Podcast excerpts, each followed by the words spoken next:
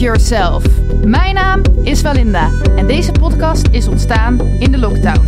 In deze podcast interview ik inspirerende mensen over hun levenslessen en wijsheden. Vaak zijn dit coaches, kunstenaars, muzikanten, creatieve ondernemers en mensen die de wereld willen verbeteren. Dus, luister je mee? En ik heb weer een nieuwe gast in mijn podcast. Wie ben je? Ik ben René, René Hillenaar, 58 lentes jong. Eh, in mijn hoofd ben ik, ben ik 12 lentes af en toe, maar eh, ik woon sinds eh, anderhalf jaar weer in Ede. Ik ben hier wel opgegroeid vroeger, vanaf mijn achtste. Ge- geboren in Leiden, met mijn ouders hier naartoe gekomen lang geleden. En ja, eigenlijk een kleine 30 jaar weg geweest uit Ede. En een naar volle tevredenheid weer terug. En ik heb op een plaats gewoond waar ik nooit heb kunnen aarden. Maar dat had zo zijn redenen. En ja, wat ben ik verder? Eh, ik ben uitvaartondernemer. Eh, ik ben dichter. Ik eh, ben muzikant, maak muziek graag in mijn vrije tijd. En eh, heb daar vroeger veel meer mee gedaan eigenlijk. Ik ben een tijdje straatmuzikant geweest zelfs. Oh, dat is echt superleuk. Ja, dat was superleuk. Daar had ik veel langer door mee moeten gaan. Zo gaat dat soms in het leven. En eh, ja, ik woon alleen momenteel. In het weekend is mijn vriendin bij me. Ik heb wel een gezin gehad. Ik heb vier kinderen. Die zijn volwassen inmiddels. En door de week leef ik samen met mijn hond eh, Dora. aka Doris. En eh, ja, dat is het eh, om te beginnen even. Nou, dat is al best veel. Ja. Dus eerst woonde je in Leiden, maar daar woonde je niet op je plek. Nee, ik woonde in Leiden tot mijn achtste. En toen gingen mijn ouders verhuizen naar Ede. Dus ja, daar had ik eh, niks in de melk te brokkelen. Ik moest mee. Mhm. En ik ben hier opgegroeid verder tot ongeveer mijn 6, 27ste. Door omstandigheden eh, Ede verlaten en met mijn gezin in Scherpenzeel gaan wonen. Mooie omgeving, eh, niet zo fijn dorp wat mij betreft. Ik heb daar met wat minder plezier gewoond. Heb er nooit echt kunnen aarden. En ben eh, vijf jaar geleden gescheiden en toen kon ik eh, mm, nu een anderhalf jaar geleden ruim, nee, bijna twee jaar geleden al, naar, naar Ede terug verhuizen weer. En ja, heb je erg naar mijn zin weer. Ja. Ja. Wat, eh, wat is er zo fijn aan Ede? We moeten ook een beetje reclame maken voor Ede, toch? Ja, ja, ja, dat begrijp ik. Ja. Nou ja, kijk, als je het vergelijkt met Scherpenzeel. Ik woon in de bloemenbuurt hier in Ede. Als Ja. ik eh, 200 meter loop ben ik op het Rozenplein. En dan heb je al drie keer zoveel winkels als in heel Scherpenzeel. Dus dat was een beetje een doodsdorp. En er is daar een bepaalde mentaliteit. En eh, niks te nadelen van de mensen daar. Maar ik kon daar niet aan wennen. De omgeving is heel mooi. Ik ben een graag wandelaar. En eh, liep daar veel en eh, prachtig. Maar de omgeving is hier ook heel mooi. En Ede is, ja, dat bevalt mij goed. Ik, ik zou nooit kunnen aarden in een stad als Amsterdam. Dat is me weer veel te groot. Mhm. Leiden, waar ik geboren ben, zou ik graag in de binnenstad willen wonen. Maar dat is niet te betalen. En Ede is een mooie tussenweg. Ja. Dus het is een beetje een stad aan het worden. Maar toch ook weer een groot dorp. En de omgeving bevalt me ook prima. Het huis waar ik woon is goed. Dus nou ja, nieuwe stad, nieuwe kansen. Ik heb het goed naar mijn zin. Nou, leuk. Ja. En ehm, ehm, heb je eigenlijk al meerdere podcasts van me gehoord? Helemaal, ik word niet boos als je nee zegt. Ik heb geluisterd naar een paar podcasts van jou. Ja, ja. Dus dan- Met een meneer die filosoof was onder andere. En met, Ja. met een zanger of een, een, een, eh, in ieder geval een eh, muzikant. Oké. Heb ik gehoord, ja. En ehm, wat is jouw missie op deze aarde? Oeh, Dat kan je heel diep pakken, maar je kan ook gewoon mag ik zeggen... daar eens een weekje over nadenken? ja, nou, ik weet niet of ik een missie heb. Plat gezegd, gelukkig zijn. Mhm. Gelukkig zijn in alles wat je doet. Dat vind ik eigenlijk al een hele opgave. Als mensen nog meer willen, dan ben ik daar een beetje wantrouwig over. Want hoe krijg je dat voor elkaar om nog meer te willen dan dat? Ja. Gewoon gelukkig zijn met wie je bent, wat je doet. En eh, ja, Maar als je nog meer dan dat wil, dan... Je, dat wil je toch omdat je gelukkig wil worden? ja, er zijn altijd wensen als je dat bedoelt. Ja. Nou ja, goed. Ik ben, eh, ik ben heel lang, lang werk, eh, werkzaam in, eh, in het vak waarin ik nu zit. Het uh, Mhm. uitvaartvak. Ja. Ik ben eh, bijna 30 jaar geleden als uitvaartleider begonnen. Ehm, sinds eh, een kleine twee jaar geleden, nou drie jaar geleden voor mezelf begonnen. In eerste instantie door me te vuren aan andere ondernemers die tijdelijk personeel nodig hadden. Ehm, ik werk sinds eind van de afgelopen zomer voor mezelf. Dus ja, daar ben ik nog aan het opbouwen. Je moet namensbekendheid krijgen, ertussen komen. En, ehm, ja, dat is, wel, een- dat is wel een beetje een missie ook. Dat ik daar een... eh, eh, ik moet leven, dus ik wil daar een bepaald inkomen uithalen ook. Maar ik heb voornamelijk heel veel plezier in het werk. Ik vind het een mooi vak. Eh, ik doe het al een tijd en het, doet mij goed om dat werk naar behoren te doen. Mensen te begeleiden in een belangrijke, op een belangrijk moment van hun leven. Wel een moeilijk moment, Mhm. wat vaak eh, gepaard gaat met veel verdriet. En, ja, maar dan is het mooi als jij mensen dan eh, de kans kan geven om op een mooie manier afscheid te nemen. En dat wil ik eigenlijk dat wil ik graag verder uitbreiden de komende paar jaar. Ik wil wel kleinschalig blijven. Mhm. Het wil geen hele grote onderneming worden of zo. Maar eh, kleinschalig en mensen kwaliteit kunnen bieden op het gebied van afscheid nemen van een dierbare. Dat is wel een missie. Ja, en verder heb ik gewoon een aantal liefhebberijen waar ik ook wat meer mee wil doen. Ik noemde er straks al het muziek maken. En, Mhm. Ik zag dat je heel veel instrumenten bespeelt. Nou, heel veel instrumenten. Ik speel redelijk gitaar en, en redelijk piano. Ik zing voornamelijk graag. Oké. Ik kan mezelf goed begeleiden, dat wel. Ik zou het heel mooi vinden in de toekomst bijvoorbeeld iemand te vinden die nog veel beter piano speelt dan ik. En dan op een krukje te gaan zitten ergens en mooie luisterliedjes eh, te spelen. Zelf geschreven dingen, dat, dat doe ik nu ook, dingen schrijven. En eh, ja, ook bestaande liedjes die ik mooi vind. En dan heb ik het met name over ja, een stukje kleinkunst. Dus in het Nederlands. Ja, Beetje wat ik doe dus. Ja, nou ja, jij doet ook zo, dat soort dingen. Nou, ik Ja. zag toevallig dat je eh, Ken je mij van Tijntje, Tijntje Oosterhuis hebt gezongen. Ja, Nou ja, dat zou iets zijn wat op mijn eigen begrafenis gespeeld zou moeten worden. Ik vind het prachtig. ja dat, nou, dat is ook mijn mooi levenslied. Ja, ja, ja. Ja, weet je, dat gaat, eigenlijk gaat dat erover van, je probeer je over mij te oordelen. Hoe ken je mij? Ik ken mezelf amper, weet je. Mhm. en, eh, en dat is wel wat mensen heel vaak doen. Een oordeel over een ander hebben. En, de tekst vind ik heel mooi van dat Ja. lied. Ja. Maar er zit ook eh, een eh bijbelse boodschap in, hè? wist je dat? Ja, er zit een bijbelse boodschap in. Dat kan ook haast niet anders als je bedenkt dat eh, de vader van Treintje Huub Oosterhuis dat geschreven heeft. Ja. Maar goed, daar geef ik dan mijn eigen invulling maar aan, aan de tekst van dat lied. En ja, er mag van mij... Ik ben niet religieus, Nee. maar er mag voor mij een religieuze boodschap in zitten. Prima, laat iedereen eruit pikken wat hij eruit kan pikken. Ja. En, zo is dat wel met meer liedjes, denk ik. Maar Nou, ik, ja. ik ben een bewonderaar van, eh, van, van mensen die echt mooie kleinkunst brengen. Ik weet niet Kip, of je ook bekend bent met Bram Vermeulen. Dat is misschien een beetje voor jouw tijd. Zou je echt eens moeten luisteren. Hele mooie liedjes. Ken je de Steen, die ook door de Paul de Leeuw gezongen wordt? Ik heb Paul de Leeuw wel eens horen zingen, maar niet het liedje De Steen. Dus dat is het nummer van Bram Vermeulen. Ja, dat is prachtig. En hij heeft meer mooie nummers. Stef Bos, Maarten van Roosendaal, die nog niet zo lang geleden overleden is. Dat, eh, Ja, Stef Bos ben ik ook een groot fan van. ja, mooi hè? Ja. Ja. Ik ben eigenlijk van het begin af aan, al vanaf zijn eerste bekendheid. En, eh, ja, muziek heeft me altijd erg bezig gehouden. Me ook altijd heel erg geholpen in moeilijke tijden. En eh, me getroost en blijdschap gegeven. Ja, dat is wel mijn ding.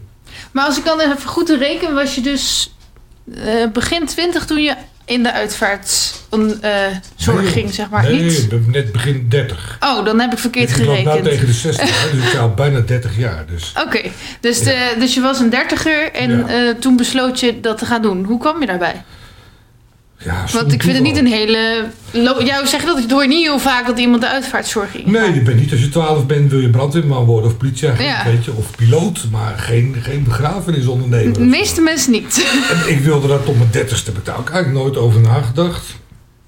Ik was werkzaam in de financiële dienstverlening. Ik werkte vroeger bij Victoria Vesta, dat, is laat, dat zat hier in Ede toen. Mhm. Dat is later RVS geworden en dat bestaat ondertussen niet meer. Daar heb ik als verzekeringsadviseur gewerkt, dus een hele commerciële baan. Mhm. Nou, daar kon je heel veel geld verdienen. Dat ging ook best goed. Alleen ja, daar kon ik niet in aarden. Dat was, eh, dat was gewoon keiharde business. En nee, ik vond daar niet echt mijn weg in. En ik kreeg een, eh, ik kreeg een gezin op een gegeven moment. En dat werk hield wel in. Het was eh hoofdzakelijk verzekeringen voor particulieren. En ja, die hebben overdag weinig tijd. Dus heel veel afspraken s'avonds. Dus ik was vaak s'avonds op pad. En als je dan een paar kleine kinderen hebt, dan gaat dat... Mij ging het in ieder geval tegenstaan op een Mhm. gegeven moment. Maar toen wist ik eigenlijk niet wat ik verder wilde. En eh, ja, eerst eens wat andere dingen gedaan. Toch weer wat in de verzekeringen gedaan even. En eh, opeens een advertentie gezien van... Ja, nou, er werd iemand gezocht die uitvaartverzorger wilde worden. Ja, daar heb ik eigenlijk nooit over nagedacht. Maar misschien is dat wel wat. Ik hield wel van een sprong in de diepe en eens wat anders proberen. En het schrikte me niet af. En ik ben gesolliciteerd en op een gegeven moment aangenomen. En eh, het bleek me wel op het lijf geschreven te zijn. eh. Mhm. Ja. Oké, en wat leek je er nou zo leuk aan dan? Of was het echt alleen van dit is wel overdag? Nou, het leek me gewoon weer eens wat anders. Het is ook een stukje spanning, was het in het begin. Van, oh, met de overleden mensen omgaan. En eh, ja, goh, goh interessant, interessant. En eh, Nou, ik wilde eigenlijk ook, ook wel dienstbaar zijn. Het lijkt me mooi, om, om mensen te helpen, met name in zo'n moeilijke periode van hun leven. Dus ik denk, ja, ik ga dat proberen, weet je. En eh, ik ben erin gestapt en eh, best wel met een beetje schrik in de benen, want je kent het niet. En hoe is Mhm. dat anders? Het is niet eng, er gebeuren geen hele rare dingen. En nou, dat laatste bleek allemaal reuze mee te vallen. Ze stonden niet opeens op uit de dood. Nee, nee, dat, dat soort enge dingen heb ik niet meegemaakt. gelukkig. Nee, nee. Nee, ik kan je verzekeren dat dat niet gebeurt. maar dat waren wel, dat waren wel hele spannende dingen. Om, eh, ja, heel nieuw. Eh, natuurlijk een kant van het leven die de meeste mensen niet te zien krijgen. Mhm. Waar je weer in aanraking komt. En eh, ja, het ging me al snel goed af. En, ben het blijven doen. Ben de omstandigheden een paar jaar wel tussenuit geweest. Wat anders gedaan, maar het bleef kriebelen en toch weer teruggekomen. En ik vind het ontzettend mooi werk nog steeds. Ja. Ja, ik heb het ook wel eens, eh, zo- ja, hoe zeg je dat, eh, gezien dat ze mensen in de uitvaart zo- zochten. En dat ik dacht, oh, dat lijkt me ook wel wat. Maar tegelijkertijd vind ik dode mensen een beetje eng om aan te raken en zo. Ja. en ik dacht van, als je dan een fout maakt hè, op je werk, dan heb je gewoon iemands begrafenis verpest. Nou, dat is het, dat is het enige eh, dat, wat, ik, wat echt moeilijk is aan mijn werk. Ja, Je moet altijd scherp zijn, want het is... je mag eigenlijk geen fouten maken. nee. Als ik jou een koelkast verkoop en die doet het niet... Nou, geen probleem, nu kom ik morgen omruilen. Dan krijg je een koelkast die het doet. Maar Ja. als ik iemand zijn uitvaart echt verprutst... dan kun- moet ik zeggen, ja, we graven volgende week op en we doen het nog een keer. Dus je, je moet altijd inderdaad heel alert blijven. Ja. Ja, ook al heb je dan al misschien al in mijn geval... misschien wel eh, 2000 uitvaarten begeleid... Je moet wel alert blijven. je kan altijd een foutje de mensen maken. waar je voor je werkt op dat moment... is het de eerste keer dat ze een partner, een kind... eh, wat voor familielid of een vriend verliezen. En eh moet gewoon goed zijn. Ja. Je mag geen fouten maken. nee. Maar ik gok, je bent een mens, dat je ook Ja. wel eens een fout maakt. Ja, maar gelukkig is dat tot nu toe beperkt gebleven tot hele kleine dingetjes. Dus een keer een eh, verkeerde naam noemen of een schrijffoutje in de, in de rouwadvertentie. En nee, ik heb geen hele, echt, niet een, echt een uitvaart verprutst om het zo maar eens te zeggen. Nee. Nee, gelukkig niet. Van, oeps, waar is die nou? Of zo. Ja, of we, hebben de verkeerde, we hebben de verkeerde meegenomen of zo. Weet je, daar, dat soort verhalen bestaan wel. Maar- Ja, en eh, nee, maar ergens is zij heel grappig, maar niet als het eh, de, de begrafenis van iemand is die bij jou heel dichtbij staat. Nee, nee, nee, Nee. Als het jou zou gebeuren, zou je dat niet leuk vinden. Nee, maar toch vind ik die verhalen heel, heel, zou me heel grappig lijken om te horen wat er allemaal mis kan gaan op een begrafenis. Gek is dat eigenlijk? Ja, Of is dat iets heel, na, heel donkers in mij? ja. Eh, ja? ja, nee, het is wel grappig, weet je. En, eh, wat wel leuk is, en dat had ik in het begin niet verwacht. Ja. eh, ik, heb, ik heb verschillende dingen gedaan in mijn leven, maar ik heb nog nergens zoveel gelachen als in dit vak. Maar wel achter de schermen, Ja. zeg maar. En dat is ook belangrijk, denk ik, want ja, je maakt ook heel veel nare dingen mee. Kijk, als opaatje of omaatje van 80 of 90 overlijdt, dat is ook verdrietig, Mhm.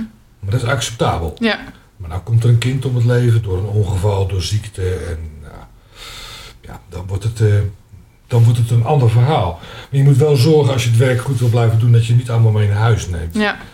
En dat houdt soms ook in dat je met je collega's kunt lachen en grappen maken en Mhm. over andere dingen hebben. En, Ja, maar dat lijkt me ook wel eh, een soort van lastig. Eh, ik kom volgens mij best vaak heel vrolijk over. Als je dan dus bij de begrafenis altijd zo vrolijk overkomt, dat is ook niet gepast. nee, nee, absoluut niet. Dus jij moet ergens toch moet- een beetje ja. heel serieus zijn de hele tijd. Ja, vaak wel. Vaak moet je, je moet een klein beetje acteur zijn soms. Ja. En afhankelijk van de mensen waarmee je te maken hebt, eh, dat moet je op een gegeven moment aanvoelen. Na zoveel jaar ervaring, een stukje mensenkennis ook, denk ik. eh, je kom je ook wel bij mensen waarbij je eh, ontzettend kunt lachen en waarbij je een grap kunt veroorloven. Juist omdat mensen dat op prijs stellen. Bij andere mensen moet je heel erg bedeesd zijn en op de achtergrond. En ja, dat is een kwestie van aanvoelen. Ja, Ja. maar het is nooit, eh, ja, nooit, eh, daar heb je nooit hele grote blunders ook niet in gehad. Nee, nee, gelukkig niet. Nee. Nou, fijn. Ja, Toch? ja. Ehm, even kijken.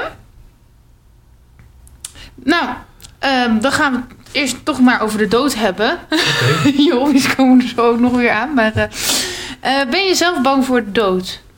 Nee, nee. Ehm, ik ben nu wel 58, weet je, dus eh, ja, normaal gesproken je, kun je wel aannemen dat ik over de helft van het leven ben, dat ik de meeste aardappels al gegeten heb. Mhm. ja, ik, ik ben er niet bang voor. Ik, ik wil er best morgen nog zijn, maar ja, gezien mijn eigen levensovertuiging, als ik er morgenochtend niet meer ben, heb ik er ook geen last meer van zelf. Dus Mhm. nee, ik ben er niet echt bang voor. Ik hoop er nog heel lang te zijn, maar ben niet bang voor de dood. Nee. Oké. Wel bang om heel ziek, om heel ziek te worden. En eh, ik zie, ik kom natuurlijk veel, bij veel mensen thuis, hoor allemaal verschillende verhalen. Mensen, sommige mensen die lang ziek zijn geweest en eh, op een vervelende manier aan het einde zijn gekomen. Ja, dat hoop ik dat dat bespaard blijft. Maar Ja.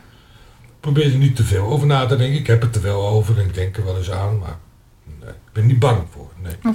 Want ook niet ehm, voor wat er daarna misschien eventueel zou kunnen gebeuren. Of geloof je dat er helemaal niks is? Ja, hoe bedoel je dat? Nou, dus eh, sommige mensen geloven in de hemel, maar sommige mensen geloven ook dat je als geest hier rond blijft spoken. Of Dan reïncarnatie. kan ik jou plagen. ja, nee, ik heb heel veel respect voor, voor, voor welke religies dan ook. Of Mhm. het nou buiten, buitenlandse religies zijn. Of, of christelijke religies hier uit Nederland. Katholieken, eh gereformeerden. Dat. Ik heb er heel veel respect voor. Alleen het heeft, eh, het heeft mij nooit bereikt. Welke vorm van religie dan ook. Mhm. Ik heb zoiets van, en daarom vind ik, ben ik ook niet bang voor de dood. Ehm, ik geloof erin dat ik ben hiervoor, voordat ik geboren werd, een paar miljoen jaar niet geweest. Mhm. Daar heb ik nog nooit last van gehad. en ik heb het gevoel dat na mijn dood de situatie hetzelfde zal zijn. Oké. Dus En dat vind je niet een, een eng idee. Want dat, sommige mensen vinden dat ook heel eng van, oeh, dan verander ik in het niks. ja, maar daar ga ik zelf niks van merken. Nee. Ik weet, zoals ik al zei, voor mijn geboorte, dat weet ik ook niet. Nee. En ik, zou, het- ik vind het soms ben ik wel jaloers hoor. Denk, nou, mensen hebben religie en die komen in de hemel, denken ze. En dan komen ze hun vader weer tegen, moeder, broertjes, zusjes, goede vrienden. Nou, dat wil ik wel. Ik heb Ja. een hele goede relatie met mijn vader. Ik hoop hem wel weer te, ergens hoop ik wel dat ik ongelijk heb. Dat ik hem weer tegenkom. Dat we een biertje gaan drinken en, en visjes gaan vangen samen. We gingen vissen vroeger vaak. En, lijkt me geweldig, maar ik geloof het niet. Nee. Nee, ik zou het wel willen, maar ik geloof het niet. En dat is iets persoonlijks, denk ik. En dat is voor iedereen En stel dat het nou toch gebeurt, geloof je het dan wel? Ja, als het gebeurt, dan zal ik het wel moeten geloven, weet je. Ja. Ja. Oké. Ehm, even nadenken wat ik daar nog... ehm, ja, dus je bent er gewoon niet bang. Maar het lijkt me ook best wel eng om dood te gaan. Eh, dus, en dan Ja. vooral bijvoorbeeld in je eentje. Als, als je een paar uur dood ligt te gaan of zo.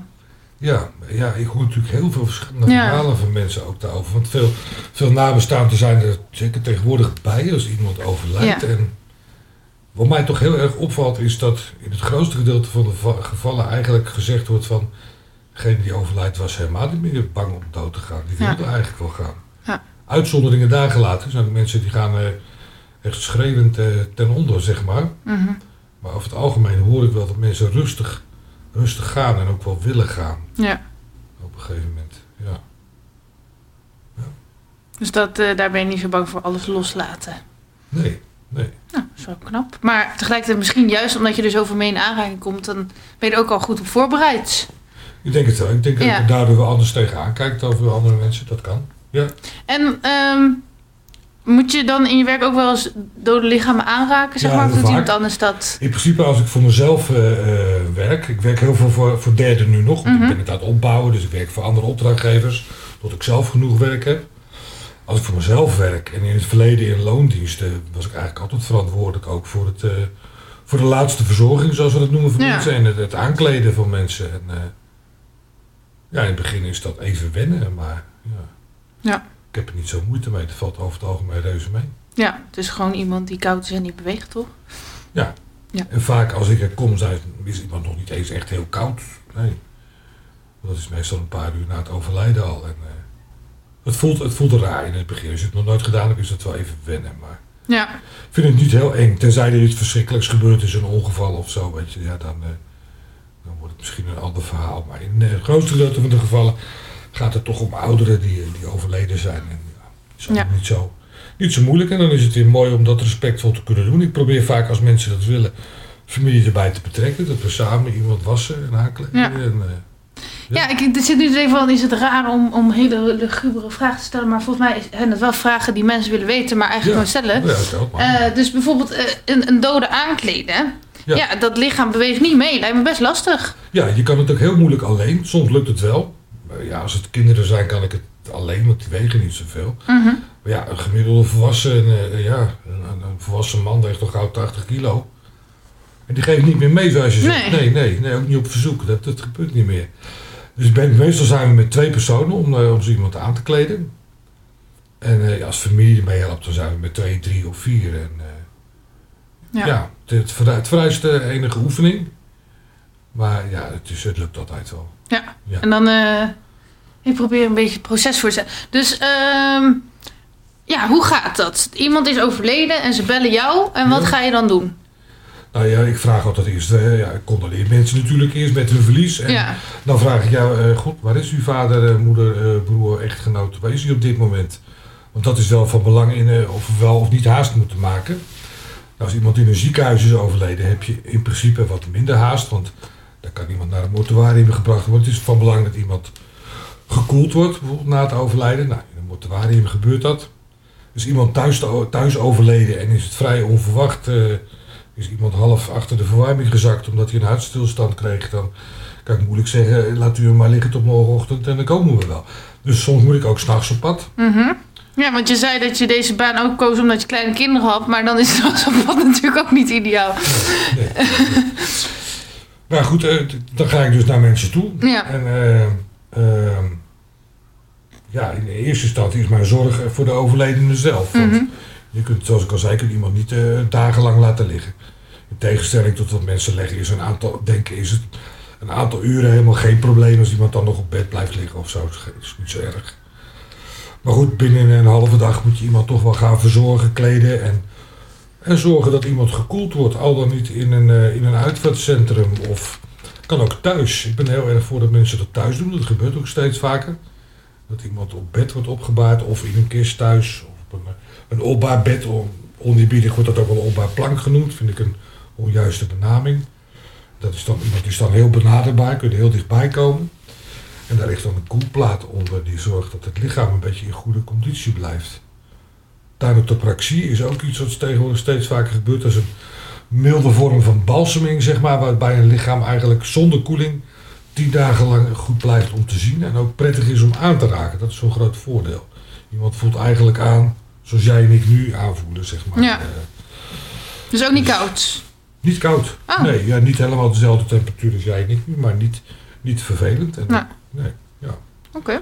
Dus dat is de eerste zorg. Dus Misschien nog iets heel geks, maar je hebt ook Ja. nog orgaandonatie en dat soort dingen. Krijg je daar nog iets van mee? Of? Ja, dat, dat, eh, dat, eh, dat komt natuurlijk ook voor. Er zijn ook mensen, dat maak ik niet zo heel vaak mee. Er zijn natuurlijk mensen die hun hele lichaam aan de wetenschap schenken. Mhm. Dat is moeilijk voor nabestaanden. Want je moet heel snel afscheid van iemand nemen. Die wordt gelijk thuis opgehaald. En naar, meestal naar het universiteitsziekenhuis gebracht. Om daar, ja, plat gezegd, ontleed te worden. Dat is het verhaal eigenlijk. Mhm. Heel dapper en heel nuttig dat er mensen zijn die dat doen. Dat gebeurt niet zo vaak. Orgaandonatie gebeurt natuurlijk ook. Ehm, zelfs bij ouderen kan dat vaak nog. eh, met name de, de lensjes in je ogen kunnen toch nog gebruikt worden vaak door mensen. Uiteindelijk moet de familie toch wel toestemming geven. Want we hebben in Nederland natuurlijk de orgaandonorwet. En ja, het kan gebeuren dat er een orgaan afgestaan moet worden. Maar daarna kan iemand even zo goed verzorgd en gekleed worden. En of thuisgebracht of naar een uitvaartcentrum. eh. Ja, maar dat- daar hoef je niet heel lang op te wachten. Of... Nee, nee ja, het kost een aantal uren. Maar Ja. Oké, dus in principe heeft dat in dit proces niet een hele grote eh, rol. nee, mensen kunnen dan uiterlijk een dag later kunnen ze een overledene gewoon weer bezoeken en zien als ze dat willen. Ja, ja, ja. Ja, Oké. En dan? ja dan is mijn, mijn taak verder om te zorgen dat mensen ook afscheid kunnen nemen op een manier waarop ze dat willen. Als ze dat willen. Er zijn ook mensen die zeggen van nou, iemand moet gelijk in de kist, die moet gesloten. Wij willen dat niet. We willen niet meer kijken. Maar heel veel mensen willen dat eigenlijk wel. Die willen of op bezoek komen in een uitvaartcentrum. Of ze willen iemand thuis hebben om daar zelf in hun, op hun eigen manier, in hun eigen tijd afscheid te kunnen nemen van iemand. eh, Dus ja. En als dat geregeld is, ja, dan moeten er afspraken gemaakt worden. Eh, mensen willen vaak andere mensen in kennis stellen van het overlijden. Of mensen uitnodigen voor een uitvaart. Een begrafenis of een crematie. Dus er moet een kaart gemaakt worden. Nou ja, voor die tijd moet er natuurlijk een datum zijn afgesproken. Van ja, wanneer, eh, wanneer gaan, we de, gaan we afscheid van iemand nemen. Zijn daar eigenlijk regels voor hoe Ja. snel dat moet? Ja, in principe wel. In Nederland heb je tegenwoordig eh, zes dagen de tijd na de dag van overlijden. Mhm. De dag van overlijden telt dus niet mee. Het weekend telt ook niet mee. Je hebt zes werkdagen de tijd. Oké. Je kunt daar onder bijzondere omstandigheden eh, uitstel voor krijgen bij de gemeente. Moet je speciaal aanvragen. Dat is mijn taak dan bijvoorbeeld. Eh, dat kan bijvoorbeeld zo zijn dat familie in Australië zit en niet op tijd hier kan zijn. Mhm. Dan kun je eigenlijk vrij makkelijk voor dat soort dingen uitstel krijgen. Er zijn ook andere redenen te bedenken. Dus een uitstel daarop is mogelijk. Wettelijk gezien, als er verder geen bijzonderheden zijn, heb je zes dagen de tijd, zonder het weekend mee te tellen, na de dag van overlijden. Dus Oké. En dan eh, in het proces? ja, of eh, vertellen we nu te veel geheimen? Dat, eh, nee, er, zijn, er zijn eigenlijk helemaal geen geheimen. Dat denken mensen heel vaak, maar ik betrek mensen ook overal bij. ja. Ook, ook bijvoorbeeld, dan ben ik al een paar stappen verder. Op de dag van de uitvaart moet iemand uiterlijk toch wel in een, in een kist. Alhoewel een kist niet eens een verplichting is. Maar meestal gebeurt dat natuurlijk wel, dat daar gebruik van gemaakt wordt. En daar mogen mensen ook bij zijn. Ze mogen ook helpen een overleden in de kist te leggen. gebeurt ook heel vaak dat mensen daarbij willen helpen. En eh, ja, ze mogen een deksel erop leggen, dischroeven. Daar gebeuren helemaal geen rare dingen. Dus iedereen mag daar gewoon bij zijn. Sterker nog, ik vind dat heel mooi en zelfs aan te raden dat mensen bij alle dingen gewoon aanwezig zijn. ja. Tenzij het ze emotioneel te veel raakt, dan moeten ze zichzelf geen geweld aan doen. Maar Mhm. ja, nou ja, in de tussentijd moeten er allerlei dingen geregeld worden. Het crematorium moet worden vastgelegd, de begraafplaatsen. Wil je catering, wil je een bepaald soort auto, moet, moet de rouwauto een bepaalde kleur hebben. Afgelopen half jaar heb ik twee keer meegemaakt dat mensen van een koets gebruik wilden maken. Ja, dat moet je allemaal wel gaan regelen. En je moet die leveranciers in, in kennis stellen van de tijd, wanneer, waar en hoe laat moet je er zijn. En ja, Oké. Eh, dat zijn best wel veel dingen, maar goed, je doet het al jaren. Dus Mhm. je hebt wel een soort vaste structuur dat je denkt, nou, dit komt altijd terug. Dat je Ja. nog snapt wat je aan het doen bent, zeg ja, maar. Ja, ja. Oké. Ja, ja. ja, het proces eh, dat, dat is bijna, eigenlijk bijna altijd hetzelfde in principe. Want ja, of ik nou eh, eh, een, eh, een zwarte rouwauto moet bestellen of een koets met paarden. Ik moet gewoon iemand bellen die dat heeft. Ja. En die moet ik vertellen waar, wanneer en hoe laat. En die mensen moeten ook nog weten wat het kost. Want het is allemaal niet gratis natuurlijk. Nee. En als we dat op elkaar hebben afgestemd, ja, dan kan het gewoon plaatsvinden. En het is voor mij een. Wat mijn werk bijzonder maakt en anders maakt elke keer, is het soort mensen waar je mee te maken krijgt. Mhm. Het proces is eigenlijk, eh, komt eigenlijk altijd wel in grote lijnen overeen. Maar ja, het is wel een feit, ja, iedereen gaat dood, dus ook allerlei soorten mensen. Weet je, de ene keer zit je in een achterbuurt eh, met mensen in trainingspakken en eh, tatoeages en daar heb ik niks op tegen.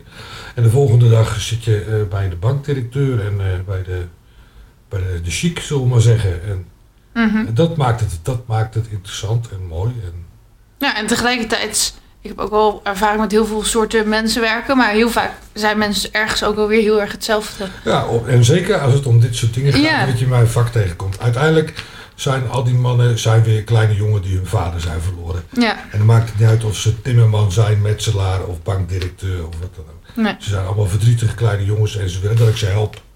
Of ze begeleid op zijn minst. Ja, eh, ja, ja. En dat is mooi om dat dan goed te kunnen doen. En het ook hun, er, hun ervan bewust maken dat het op hun manier mag en niet op mijn manier. Ik heb geen voorgekoud programma. We gaan doen wat jullie willen. Hoe wil je nou afscheid van je vader nemen? Of van je moeder? Of van je echtgenoot? Of je vriend? Of vriendin? Of, ja. En eh, hoe bepaal je wie wat doet? Want ehm, nou, ik, kan, ik hoor wel dat, dat je eigenlijk zegt van zoveel mogelijk mensen, of, eh, ik wil dat ze zoveel mogelijk betrokken zijn. ja. Maar goed, soms is iemand ook te emotioneel om, om ja, dingen moeten op het wel te zelf willen. Hè? Ik wil niks opdringen. Nee. Nee, net zoals het eh, begeleiden van de kisten. Dus vroeger had je daar eh, mannen voor met, met zwarte hoge hoeden, Ja. dragers en zo. Nou, die kan ik nog steeds bestellen. Maar wat, ik, wat steeds vaker gebeurt, eigenlijk het grootste gedeelte van de gevallen, is dat mensen dat eigenlijk wel prettig vinden om dat zelf te doen. Ze kunnen een kist dragen, maar je kunt hem ook rijden. En ik kan een rijdende bar regelen waarop ze dat kunnen doen. Dus dat ze iemand zelf de aula in begeleiden, bijvoorbeeld bij een crematorium of op de begraafplaats zelfs naar het graf toe begeleiden. Maak zelfs familieleden mee die het wel mooi vinden om het op de schouders te doen. Nou, dan oefenen we dat even van tevoren. Mhm. En eh, ja, dat soort dingen vind ik mooi. En, eh, Ja, maar heb je dan ook wel eens dat je denkt van iemand zegt bijvoorbeeld ja, ik ga dit en dit regelen. En dat je denkt, nou, ik moet nog maar even zien of dat wel lukt in jouw staat. Of, of gebeurt dat dan niet? hou ik heel erg, ja, dan hou ik heel erg een vinger aan de pols. Dan Ja. eh, bel ik van, lukt het? Heb je nog hulp nodig? Eh, Komt het goed? Ja, er zijn ook dingen gewoon... eh, Wij zijn vaak... De Nederlandse traditie is een beetje... We gaan muziek af, afspelen op een uitvaart en we gaan toespraken houden. Tegenwoordig ook heel veel fotomateriaal wordt er vertoond tijdens Mhm. een afscheidsplechtigheid. Of er gebeurt wat in een kerk, weet je. En dan, dan, dan is het ook vaak aan de kerk weer Ja, om dingen te regelen met mensen van hoe gaat het, eh, de afscheidsplechtigheid verlopen. En anders is het een beetje aan mij en, en om, om de familie daarin te sturen van eh, joh, eh, hoe gaan we afscheid nemen en wie gaat wat zeggen en op welk moment en welke muziek, welk fotootje, welke film. En, eh, het lijkt me ook wel een heel lastig beroep in de zin van je hebt te maken met deadlines. ja, Maar je ja. mag niet te veel druk erop zetten mensen. Nee. Nee, ergens moet je druk erop zetten, want je hebt een, een- Ja. ja. je moet gewoon die persoon begraven. Ja, er is een dag waarop het moet gebeuren. ja, maar even op emoties kosten tijd en energie Ja, en, en er moet heel veel gepraat worden. En ja, dat lijkt me best lastig van wanneer ben je zakelijk en wanneer is er aandacht voor de mensen achter het verhaal. Zeg Ja, maar. daar moet je je weg in vinden. Ja. Die heb ik inmiddels wel gevonden. En soms is het nog wel lastig. De ene is de ander niet, weet je. En, eh, ja, ik zei het al, iedereen gaat dood. Dus er zijn soms ook vervelende mensen. Mhm. Vervelende mensen gaan ook dood. Ja, ja daarom. Iedereen. Eh, ja, mensen die erg eh, lastig zijn of, of heel erg twijfelen. En dan willen ze dit weer wel en dan weer niet. En eh, nou, dan is het aan jou als professional om daar toch een beetje in te sturen. En ze te begeleiden zonder dat ze zich te veel gedwongen voelen. Dat, Ja, eh, ja, ja. Want ik kan me ook voorstellen dat je er bijna ruzie van zou kunnen krijgen. Ja, dat heb ik er gelukkig nog nooit meegemaakt. Oké. Nee, nee. Nee, maar je moet mensen bijvoorbeeld wel op attent maken van, joh, eh, we hebben nog een week de tijd, dat hebben we gemiddeld wel, een week de tijd om alles te regelen. Alleen op de begraafplaats, op het crematorium, willen ze graag 24 uur van tevoren, uiterlijk, eh, weten welke muziek je gespeeld wil hebben en wat het draaiboekje is. En welke foto's er eventueel getoond moeten worden. En is in jullie eigen belang, want ze willen het even testen van tevoren of alles goed werkt. Ja. Als het niet zo is, dan hebben we nog een dag tijd, tijd om het te herstellen. Dus, dus daar maak ik mensen wel vrij snel op attent van, joh, echt uiterlijk een dag voor de uitvaart zelf moet je moet het draaiboekje van, eh, van de plechtigheid wel klaar zijn. Ja. Mhm. Ja. En ehm, eh, heb je dan ook wel eens dat je bijvoorbeeld, eh, ja, het zou heel slecht zijn, maar een, een koets hebt besteld en die koets komt niet opdragen of zo? Weet je wel, dat, dat je afspraken met andere mensen maakt. Je denkt, ik heb alles geregeld. ja. Nee, maar ik vraag, altijd, ik vraag sowieso altijd om bevestiging. Ja, Dus ik wil van mijn leveranciers, of het nou een koets is of een rouwauto of een bloemstuk. Ik wil een bevestiging hebben. Van, Ja. eh, dan en dan, eh, eh, begrepen dat je dit en dat wil. Als we het dan verkeerd hebben begrepen of ik heb het verkeerd verteld, kan ik het nog wijzigen. Dus ik wil een bevestigingetje van ze. Ja, het enige wat er kan gebeuren, ik heb het vorig jaar één keer meegemaakt, dat een, eh, dat een rouwauto moet ook ergens vandaan komen. ja, file. Eh, ja, die kwam in de file door een ongeval. Oeh, Ja, dat kun je niet timen, weet je. Een file is vaak nog te zien van tevoren. Oh, dit moet niet zo rijden, maar zo. Maar een ongeval komt heel onverwachts. En Ja. ja, toen zijn we echt twintig minuten te laat met de plechtigheid begonnen. Kwam uiteindelijk veel te laat aan. Liep toch nog goed af, doordat de toespraken wat korter duurden dan de mensen zelf dachten. Maar dat, eh, dat is, dan heb ik wel zweet onder mijn ogen. ja. Het is eigenlijk mijn verantwoording niet. Ik kan er ook niks aan doen. Nee. Het is overmacht. Maar dat vind ik heel vervelend. Want ik vind het gewoon... Ja, het is voor mij mijn werk. Voor die mensen is het eh, de, de enige en laatste keer dat ze die persoon de laatste eer gaan bewijzen. En als dat daardoor een beetje in het honderd loopt, dat is heel vervelend. Ja, Toen is het dus goed afgelopen. Maar dat soort dingen, ja, dat kan. Moet ik wel zeggen, de bedrijven waar ik mee werk op het gebied van vervoer, die zijn wel professioneel hoor. Mhm. Als ik om 11 uur bestel, dan heb ik ze eigenlijk om half 12 pas nodig. En dan zijn ze er meestal om half 11 al. ja, ja. Dus, ja. dat scheelt ook dat je ervaring hebt, dat je gewoon precies weet met wie je kan samenwerken en wie niet. ja, precies. Ja, en dat het ook professionele bedrijven zijn die ook weten wat er onderweg kan gebeuren. En die ook al de tijd wat ruimer nemen vaak. Ja, er zijn dingen die zijn overmacht Ja, natuurlijk. ja, ja, je kan niet ja. het hele leven perfect hebben. En de dood is ook niet. Nee, nee, nee, precies. Ja. Oké. Ehm, maar zou je dan nu bijvoorbeeld ook gebeld kunnen worden dat er iemand is overleden? Ja, Oh, spannend. dat, dat kan gebeuren. Dan moeten we helaas afscheid nemen. Nou ja, hoeft ook niet gelijk. Dat ligt eraan wat er aan de hand is. Maar Ja, ik eh, ben 24 uur per dag bereikbaar. 7 dagen in de week. echt? Ja. Maar dan, pff, ik zou overspannen worden als ik jou was. In het begin wel. Ik ben daarmee begonnen ooit. Maar eh, ja, weet je, mijn telefoon gaat niet de hele dag. Er gaat niet elke nacht iemand dood. Er gaan natuurlijk ook mensen die gewoon overdag sterven. En Mhm. Het aantal keren dat ik er op jaarbasis s'nachts uit moet is misschien vier of vijf keer. Oké. Maar, maar, maar is, eh, de begrafenissen of crematies eh, zijn wel altijd in de buurt van Ede dan? Als ik voor mezelf werk wel in een, Ja. wijde omgeving. Alhoewel het mij ook niet uit zou maken als iemand eh, mij gezien heeft op een uitvaart in Ede. En hij woont in Groningen en ik die man deed netjes. En kun je het in Groningen, dan kan ik ook in Groningen. Ja, ah. Maar goed, eh, ik adverteer hier in Ede en omgeving. En ja, daar zat in, in instantie komt het daarop neer. Maar als je dus een weekendje weg wil of zo, dan Dan heb je... ik, dan ga ik gewoon. Oké. En als ik pech heb, moet ik naar huis. Ja. Pech. Maar dan bel je dus van, ik ben er over twee uurtjes of zo. Ja. Ja. Daar hebben mensen ook geen probleem mee. Hoor. Want als het wel haast heeft, als iemand thuis overleden is. En ik, Ja. dat heb ik toevallig laatst meegemaakt. Mijn ouders wonen in Emmeloord. Mhm. En ik had een sterfgeval hier in Ede. Ik werd gebeld toen ik bij mijn ouders logeerde. S morgens bij het ontbijt ongeveer. Maar ik heb hier ook in Ede wel contacten met mensen die voor, voor mij alvast wel een overledene kunnen ophalen. En familie die, die wil eigenlijk altijd wel eerst graag even bijkomen. Die willen niet een half uur later met mij aan tafel dingen regelen. Nee. Dus dan kun je, dat kun je best met mensen afspreken van ik kom vanavond, kom ik dan de uitvaart met u bespreken of stel's pas de volgende dag. Dat is niet erg, alleen dan kan natuurlijk niet tegen mensen zeggen van ja, uw vader is overleden, ik zit in Emmeloord en eh, kom morgen wel een keer. dus ik heb, maar ik heb hier dan wel contacten dat, eh, met professionals die dat voor mij kunnen regelen. Ja, maar het lijkt me wel voor jezelf in je privéleven lastig dat je dus in principe elk moment eruit gebeld kan worden. Ja, dat- is iets waar je aan moet wennen. Dat vond ik in het begin heel moeilijk toen ik er ooit in begon. Nu denk ik eigenlijk nauwelijks nog aan. Oké. Nee, ik denk er nauwelijks bij na. Als ik gebeld word, is het zo. Ja, maar gewoon ook, weet ik veel, dan ehm, heb je een ehm familieweekend, ik weet niet of je dat hebt. Maar en, Ja. dan, en dan moet je dus zeggen van, ja, ik kom, maar misschien ben ik natuurlijk eruit Ja. Mijn ouders waren vorig jaar augustus 60 jaar getrouwd. ja. Applaus. Maar, eh, eh, toen was ik daar in Emmeloord, dus een, eh, een heel weekend. Ja, het had kunnen zijn dat ik midden op de, op de dag weggeroepen word. Ja, dat is vervelend.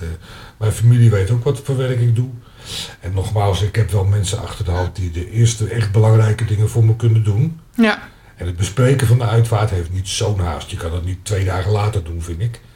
Maar ik kan wel rust, rustig even op een feest blijven of op mijn vakantieadres. En ja, want je hebt dan Ja, bijvoorbeeld, eh, of je hebt een hotel geboekt voor twee nachten met je vriendin, is het volgens mij nu. ja, ja, dat klopt. Eh, ja, en dan moet zou je weg moeten op jullie romantische weekendje, ik ja, maar iets. ja, dat kan gebeuren. Ja. Ja, nou weet je, dat is wel het voordeel als je, als je, als je wat, eh, een wat grotere ondernemer wordt, zeg maar. Mhm. Dus, ik doe het werk al heel lang, maar het werk pas vanaf vorig jaar zomer echt helemaal voor mezelf. Ja, ik kan me nog geen personeel veroorloven. Mhm. Ik zou in het begin alles zelf moeten doen. Dat, dat weet ik ook. Mijn vriendin weet dat, mijn familie weet dat. Niemand heeft er een probleem mee. En ja, natuurlijk, eh, ik kan wel, als het echt moet, kan ik ook eh, personeel inhuren. Ook voor een week of zo. Ja, ja, ja. Want ik, ik, mijn ouders leven allebei nog. Nou, die zijn, die zijn behoorlijk op leeftijd. Als een van beiden overlijdt, ja, dan moet ik zelf ook kunnen rouwen en daar een week de tijd voor kunnen nemen. Ja. En dan zal ik toch eh, iemand in moeten schakelen. Die wegen heb ik wel hoor. Ik heb Oké. wel mensen achterhand die ik in geval van nood kan inschakelen. Maar dat, ja, goed, dat kost geld ook. Dat wil Ja. je ook niet als ondernemer. Nee. En ik wil het eigenlijk ook gewoon graag zelf doen, omdat ik het mooi werk vind. Er kunnen natuurlijk omstandigheden zijn, zoals ik net noem, eh, dat je even zelf het werk niet kan doen. En beginnend ondernemer bent, maar dat geldt voor alle beroepen. Hè? Mhm. In het begin heb je, heb je niet veel te makken en kun je niet zomaar mensen inhuren. Nee. Dan zul je veel zelf moeten doen. eh, ja. Dus Maar- Maar hoe ontspan jij dan, zeg maar? Want of je zegt eigenlijk dat je, dat je er al aan gewend bent, dus Ja. wel ontspant. Nou, Maar- ja, als ik, nou, Uh-huh. ik vind dit ook leuk, weet je. Ik zit hier nou met jou te praten. Ja, maar ik ben dus nu al gespannen dat jij elk moment gebeld. Ja, ja ik, ik- ik snap dat wel. Maar, eh, ja, nee, ik, ben, ik, ik denk er niet eens aan. Als het gebeurt, dan gebeurt het. Maar dat is, dat is ervaring en eh, gewoon het al, al lang mee bekend zijn Ja. natuurlijk. En ik, ontspan prima. Ik ga als ik straks thuis kom nog even piano spelen en een liedje zingen. En ik ga met mijn hond wandelen. Het scheelt wel dat je niet per direct, en het is geen ambulance die eh, moet vertrekken als je wordt gebeld. Nee, we gaan niet, we gaan niet meer een leven redden. Dat, Nee. is, maar dus dat is weer wat anders. Een ambulance, ja, dat luistert nauwer natuurlijk. Ja, of een brandweerwagen. Oké, maar eh, we zijn er wel, want in principe sta je dus ergens ook wel weer altijd aan. Ja. Hoe, hoe ontspan je dan door piano te spelen? Ja, piano spelen, eh, met mijn hond wandelen. Ik ben erg graag in de natuur. Ik hou van mooi weer. Ik ben heel graag buiten. Ik ben ook heel blij dat het nu een beetje mooi weer wordt. Ik zou je vertellen, ik woon dus nou ja, kleine twee jaar weer in Ede. Ik heb een hartstikke leuk huisje met een, eh, met een klein tuintje. Makkelijk kan bijhouden. Ik ben heel graag buiten. Mhm. Ik heb vorig jaar vanaf eind maart, want we hadden al vroeg mooi weer, tot half oktober heb ik eigenlijk misschien tien keer mijn tv aangehad. Mhm. Ook Netflix niet. Nu van de zomer heb ik weer, of van de, van de winter heb ik weer heel veel Netflix gekeken en series. Maar ik ben zo graag buiten. Ja. En dan zit ik gewoon ook soms gewoon niks te doen hoor. Of te lezen of een gedicht te schrijven. En voor mij is dit de goede tijd van het jaar die er nu aankomt. Dus dat brengt ook heel veel ontspanning. Ja, en muziek maken dus. En gedichten schrijven doe ik graag. En, ja. Oké, leuk. Ja. Eh, net had ik nog een vraag, maar nu ben ik hem weer vergeten. Nee. Laten we het dan maar over gedichten hebben. Ja. Ehm, ja, nee, want die vraag die ik... Maar, maar ik heb zoiets, hebben we de dood al eh, helemaal ontrafeld? Heb het helemaal gehad. Nou, als het nog wat te binnen schiet. Maar- Ga je gedichten ook over de dood? Nou, soms wel, maar niet alleen maar. Nee, nee het gaat over van alles. Leven, liefde, ongeluk, eh, eh, leuke dingen, minder leuke dingen. Voor mij is ik merk wel dat het gaat wel bijna altijd over mezelf. Oké. Gedichten, ja, het is wel lyriek zeg maar. Het gaat over mij, meestal. Mhm. Of over wat ik vind over dingen, of wat ik voel bij dingen. Ehm, soms leuk, soms niet leuk, want je hebt allemaal eens, eh, vervelende dingen bij de hand ook. Ja, ik kan mijn ei er wel in kwijt. Ik schrijf heel veel gedichten, heel veel serveer ik later weer af. Ik heb er misschien wel 2000 geschreven in mijn, in mijn leven tot nu toe, maar ik zou nog geen, eh, geen bundel met, met 100 gedichten kunnen vullen nu. Die Niet? ik zelf, die ik zelf de moeite waard vind. Hè. Oh, zo. anderen wel, maar Ja. Ja. En wanneer begon je met dichten? Of heb je dat altijd al gedaan? Ik deed altijd wel een beetje, maar ik ben in 2006, toen had je een, eh, een, een een website bij de NCRV, Dichttalent heette dat. Ik ben toen lid van geworden, want ik vond gedichtjes schrijven altijd wel leuk.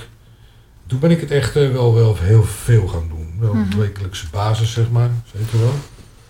En daarvoor schreef ik incidenteel wat en ik, schreef ook wel veel liedjes. Dat vond ik nog steeds het allerleukste hoor. Ik denk dat heel veel gedichten die ik nu heb ook uiteindelijk wel min of meer in een, in een liedje verwerkt gaan worden. Mhm. Dat vind ik eigenlijk het leukste.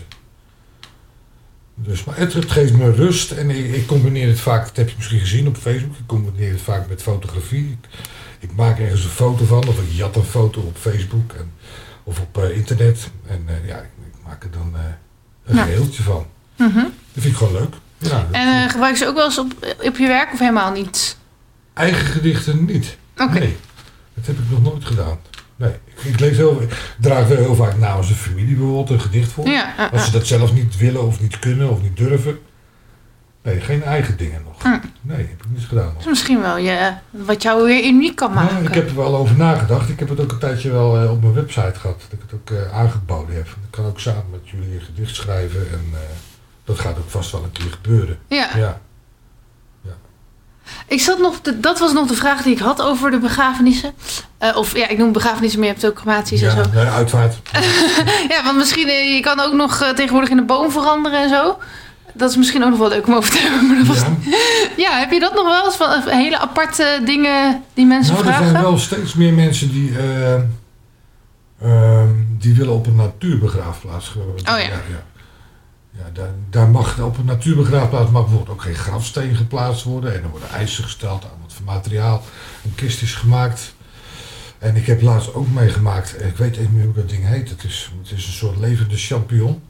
Ik vind hem niet zo mooi om te zien, maar het is een kist die is helemaal gemaakt van, van paddenstoelen, zeg maar. Wow, cool. Noem het maar schimmels, paddenstoelen. Mhm. Het voelt heel gek aan, als een soort eh, sponsig piepschuim. Daar ligt een overledene dan in. En ja, die kist vernietigt zichzelf helemaal. Je wordt één met de natuur. eh, Je wordt veranderd in een paddenstoel. ja, ja het, is, het is één grote levende paddenstoel eigenlijk, dat, dat ding. Wel bijzonder. Er zijn steeds meer mensen die daarbij nadenken als ze hun uitvaart willen Ja. Is het allemaal wel milieuvriendelijk? En moet ik, moet ik gecremeerd worden of wil ik eigenlijk begraven worden in een, op een natuurbegraafplaats waar je echt midden in het bos ligt? Geen steen hebt, maar een, een mooie plak hout uit een boom waar je naam dan in gegraveerd staat bijvoorbeeld. Ik heb ook eens op tv gezien dat iemand een eh graffilmpje-achtig iets had. Dus dat je gewoon eh, in plaats van een grafsteen... Ja. kon je filmpjes over iemands leven bekijken. En dan kon je ook nog drukken van... eh Oh, kies, ja, eh, dat dit gedeelte ja, uit dat het heb ik leven zelf nog dat. niet meegemaakt, maar dat kan. Ja, maar dat is volgens mij heel duur. Dat denk, ik, dat denk ik wel. Ja, ik heb daar nog niet mee te maken gehad, dus dat zou ik niet weten. Maar het lijkt me vrij prijzig. Zeker omdat het altijd maar moet blijven werken. Ja. Ja. En hoe vaak wordt dat graf bezocht, weet je wel? En dan, eh, Ja, hij gaat een willekeurige voorbij gaan en uh, filmpjes opeens. Oh, dus dat was ja. Kim. Oké. Ja, nou ja. Nou ja, als je nog een soort beroemdheid wil worden na je dood dan. eh. ja. Maar eh, wat ik me dus afvroeg... ehm, ja, heb je dan wel genoeg... Ja, dat is misschien ook weer een gevoelige vraag als het niet zo is, maar... van, het klinkt van, je hebt dan eigenlijk de hele tijd vrije tijd... maar ook de hele tijd ook weer niet, want ze kunnen dan bellen. Ja. Hoe weet je nou dat je genoeg klanten hebt? En, en als het dan even niet zo is, wat ga je dan doen? Of dan ga je voor die andere mensen werken? ja, dat heb ik. Voorlopig hou ik dat open, weet je wel.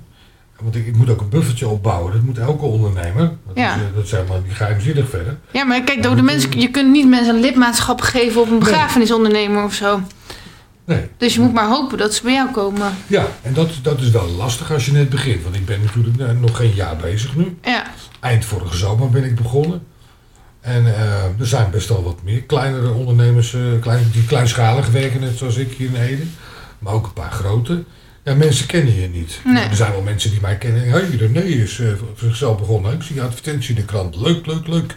Ja, ze hebben mij niet gelijk volgende week nodig. nee, hoop je het minst. Voor ze. Nee, ik, ik gun het. Ik gun iedereen een heel lang en gelukkig leven. Ja. Dus, dus ja, het is een kwestie van een lange adem. Het is mijn werk wel heel erg belangrijk. Dat, dat hoor ik ook van veel andere ondernemers die al langer bezig zijn. eh, dat een stukje mond-op-mond reclame. Ja, Als jij het gewoon heel netjes doet, of, of, of je kan net iets meer bieden dan een ander, of je komt net iets, iets beter over, dan gaan mensen, als, als ze jou gezien hebben, omdat ze op een uitvaart zijn, en als hun eigen vader of moeder of vriend of vriendin overlijdt, gaan ze aan die mensen vragen, ja, wie was dat eigenlijk? En, eh, goh, eh, en, eh, ja, kunnen we die man ook bellen? En het is wel heel erg sterk ook van mond-op-mond reclame. Ja. Ik moet me nu zelf nu kenbaar maken door te adverteren in de krant. Maar ik ken ook eh, wel ondernemers die dat al jarenlang helemaal niet meer doen. Die pure leven van eh, mond-op-mond reclame. Mensen gewoon al weten van, oh ja, we moeten bij die zijn. Hm, maar dat vind ik toch wel knap. Want, zijn. ja, maar gewoon van... Dan, dan weet, want je weet nooit of er mensen doodgaan, zeg maar. Nee. En toch heb je dan een soort van vertrouwen dat je, dat je ervan kan leven. Dat vind ik wel... eh, Ja, ja, ja dat, ik, ik heb het daar nu af en toe wel Spaans benauwd van. Want eh, als er nu voor mij een stille periode komt, dan voel ik dat meteen ook Ja. in mijn portemonnee. En Ja. laten we eerlijk zijn, ik moet wel eten. ja. Dus dat, eh, dat is spannend. Als je wat verder bent en je, bent, je werkt wat, wat meer jaren al doe je het werk. En dan moet je natuurlijk zorgen dat je een buffertje hebt opgebouwd.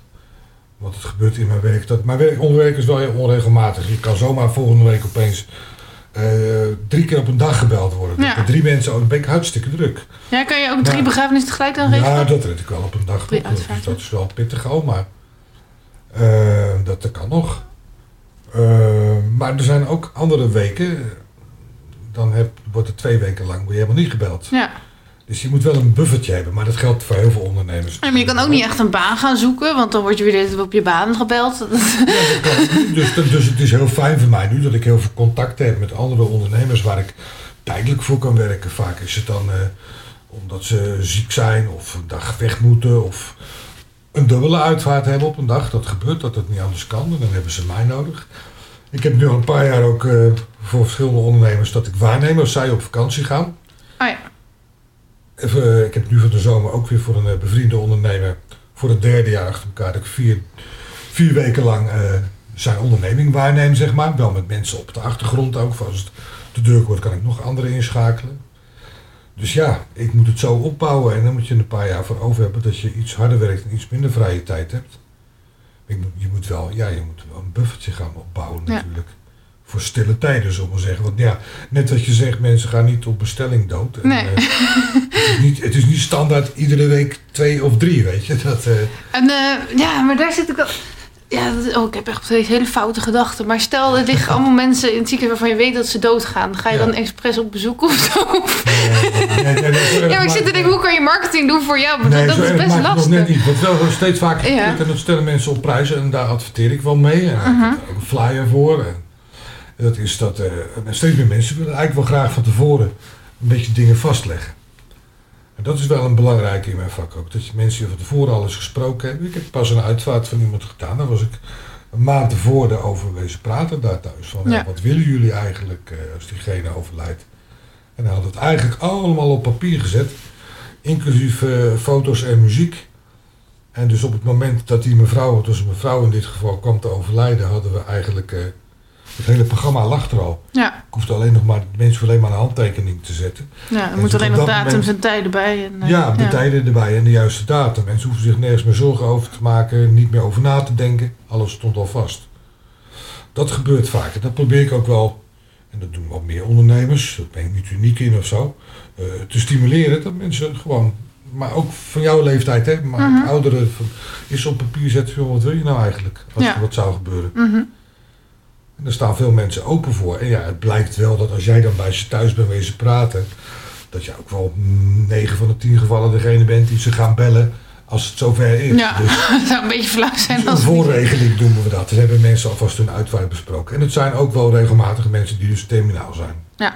En dat blijf ik heel raar vinden. Dan kom ik toch bij mensen thuis, dan praat ik met de aanstaande overledene. Ja. En, Dat is gek, hè? en dan kom ik drie, twee, drie weken later en dan ligt diegene is dood. En dat is raar. Ja. Terwijl ik kort daarvoor vaak nog een heel goed gesprek met mensen hebben gehad. Van, eh, ja, het is ook weer weer mooi. Maar dat is- blijft apart. Ja, snap ik.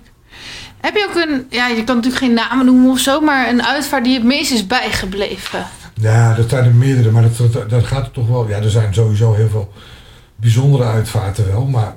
mm, ja, voornamelijk toch wel. Wat mij altijd wel. Ik weet bijvoorbeeld alle namen nog van de kinderen die ik ooit begraven heb. Dat zijn er best heel wat. In bijna in 27 jaar tijd. Kinderuitvaarten, dat blijf je altijd wel bij. Ja. Er wordt net nog even iets extra's van je gevraagd eigenlijk. Of ze vragen het niet, maar je wil het zelf geven. Weet je, je wil nog wat meer je best doen. En, eh, ja. Verder is de, de, de, de, de traditie, de Nederlandse uitvaarttraditie is... De hond begint te grommen. Ja. De hond. Ehm, de, de traditie is, is wel vrij, vrij veel, op zich wel hetzelfde. Het, ehm, het, het is, het is een- een bijeenkomst. Mensen gaan condoleren, soms nog afscheid nemen van een overledene van tevoren. Eh, dan is er een plechtigheid met, een, eh, met toespraken en muziek. En eh, ja, het is, het is een beetje altijd wel hetzelfde zoals het in onze cultuur gaat. Dat geeft ook niet macht. Dat hebben andere culturen ook. Die doen het op hun manier. En wat wel leuk is, mensen, er wordt steeds vaker, we hebben natuurlijk een multiculturele samenleving. En daar Mhm. merk je wel steeds meer van. Een tijdje terug ook een uitvaart gehad, dus met, met een koets, met paarden. Mhm. Maar het waren gewoon eh, mensen die in Holland geboren en getogen zijn. En die wilden wel graag dat er een Surinaamse dragersgroep kwam. Ik weet niet of je daar ooit iets van gezien hebt. Ja, dat is heel bijzonder. Mhm. Je moet ze maar eens opzoeken op, eh, op internet. Wie kan doe bijvoorbeeld, eh, heette die. En dat kan dan een groep eh, prachtig geklede donkere mannen. En die gaan heel vrolijk zingen. En er wordt muziek bijgemaakt, een beetje jazzachtig, Dixieland-achtig. En die gaan dansen met een overleden op hun schouders. En dat vind ik dan wel heel bijzonder, dat soort dingen. Ja. Ja. En dat dat dan een, een, een samensmelting is van onze eigen Nederlandse cultuur met een stukje van dat. En ik heb één keer, want nou, eh, ik zei net kinderuitvaarten, maar dat is nog wel een bijzondere. Ik heb één keer een uitvaart meegemaakt van een, eh, een Turkse meneer. Mhm. Maar die kinderen waren om wat voor, op wat voor manier dan ook, waren die in, in het katholieke geloof eh, terecht geraakt. Dus het was niet een hele orthodoxe Turkse familie, denk ik. Maar daar heb ik een, een uitvaartplechtigheid weten te organiseren waar zowel de imam, dus de, de, de, de Turks-geestelijke leider, zeg maar, als de predikant of, of de pastor een taak in hadden. En die werkten prachtig samen, die Mhm. twee mannen. Ik denk, hé, het kan dus wel, weet je. Ja. En dat, vind, dat, vond ik, dat vond ik wel op zich wel heel mooi. Ja, dat meerdere religies samenkwamen. Ja, dat is mooi. Zo zou het eigenlijk moeten ook, toch? Ja. Dat heb ik een keer meegemaakt, dat vond ik wel mooi. Ja, en kinderuitvaarten zijn, dat blijkt altijd heel speciaal. Je wil het niet meemaken. Mhm. Ik ben er wel goed in. Dat klinkt dan weer misschien weer heel raar, alsof ik het leuk vind. Zo is het helemaal niet. Maar als het dan toch gebeurd is, ik kan daar niks meer aan doen als een kind al overleden Nee, nee, is. Maar dan vind ik het wel een eer en gewoon heel mooi om mensen te begeleiden en ideeën aan te reiken van hoe zij nou op een mooie manier afscheid kunnen nemen. En dat afscheid van een kind is vaak toch ook de eerste stap op, stuk, op, op weg naar een stukje rouwverwerking, weet je wel. Eh, Ja. voor zover je het ooit helemaal kunt verwerken, het overlijden van een kind. Mhm. Dat vind ik dan wel heel mooi als ik daar een bijdrage in kan leveren. Ja, want wat doe je eigenlijk eh, als de begrafenis voorbij is? Dan zullen misschien nog wat financiële dingen geregeld moeten worden of zo. Ja. Maar heb je dan ook een soort nazorg nog voor degene die je hebt begeleid? Ja, ja.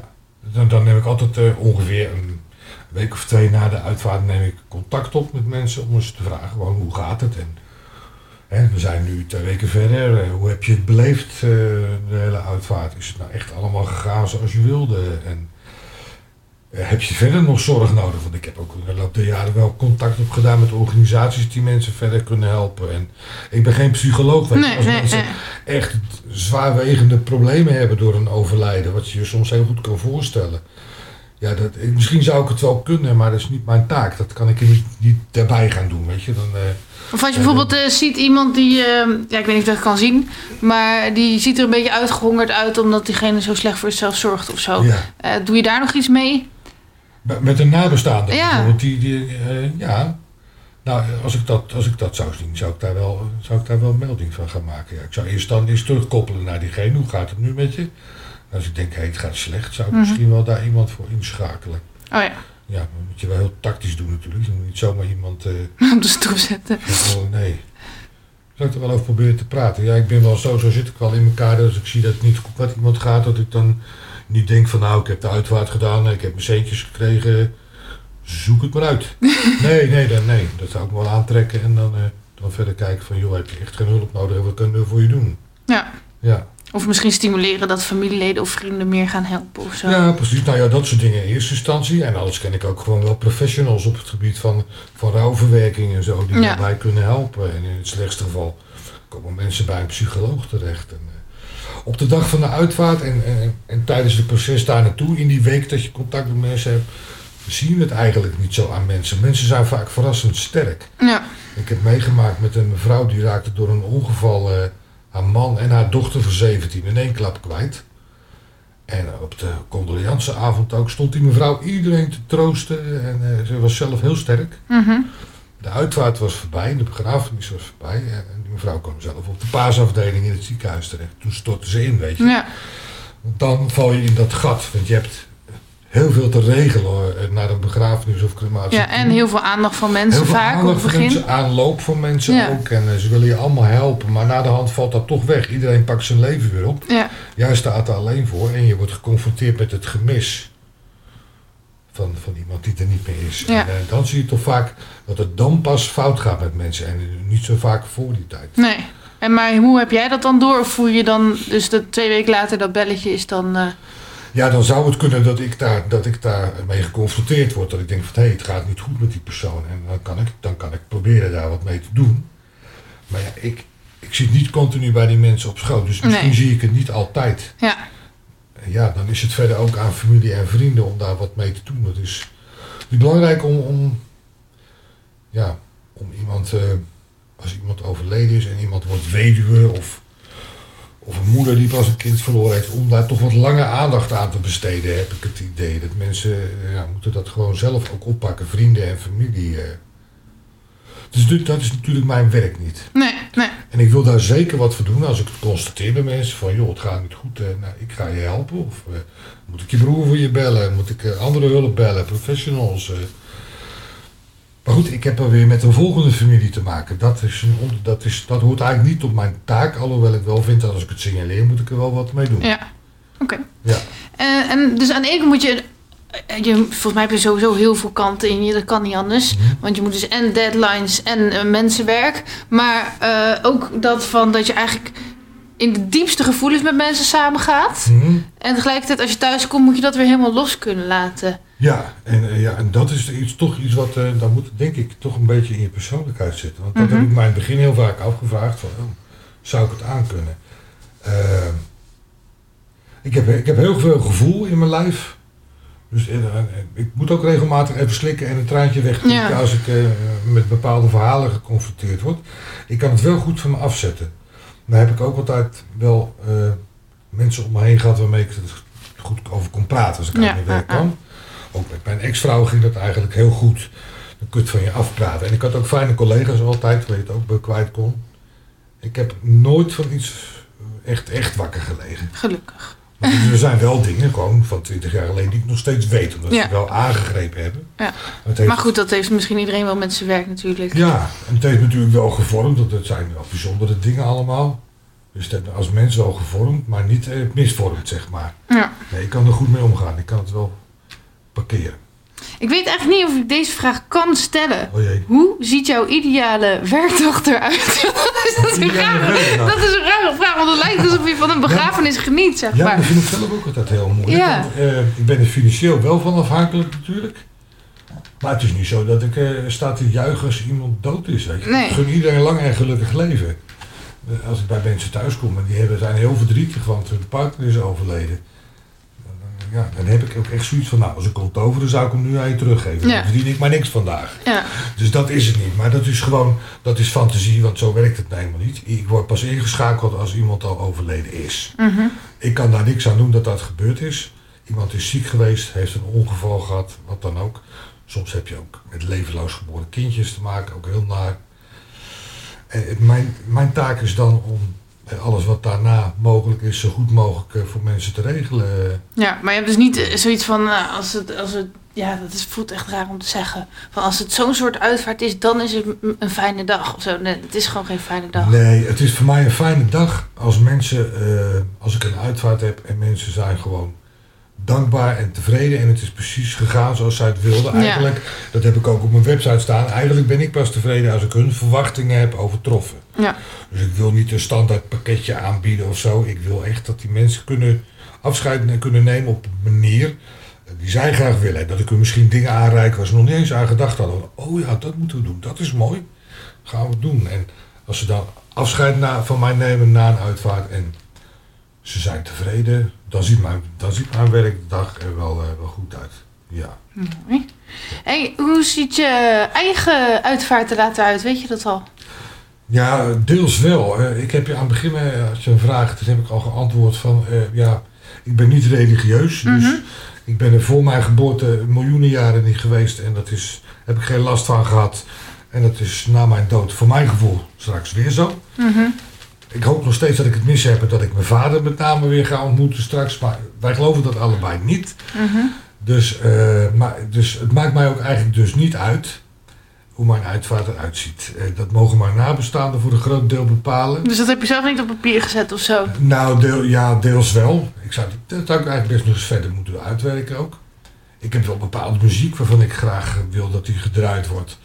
Maar verder is het hun afscheid van mij. En zij moeten dat doen Mhm. zoals het voor hun fijn is. Ik heb wel de, de wens om niet begraven, maar gecremeerd te worden. Dat is een persoonlijk ding. En ja, ik hoop wel dat, eh, dat mensen nog iets goeds over me zeggen na de hand. Of dat ze iets aan me gehad hebben of van me geleerd hebben. En nog eens met een glimlach aan me terugdenken. Maar ik heb niet echt...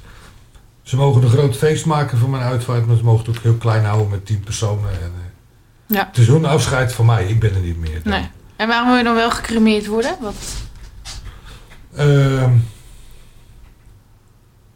ja, dat is zuiver gevoelsmatig. Ik heb daar niet eens een goed antwoord op eigenlijk. Want dat is dan heel dubbel. Mijn ouders die hebben, die wilden eerst ook cremeren en die willen zich nu laten begraven als het zover is.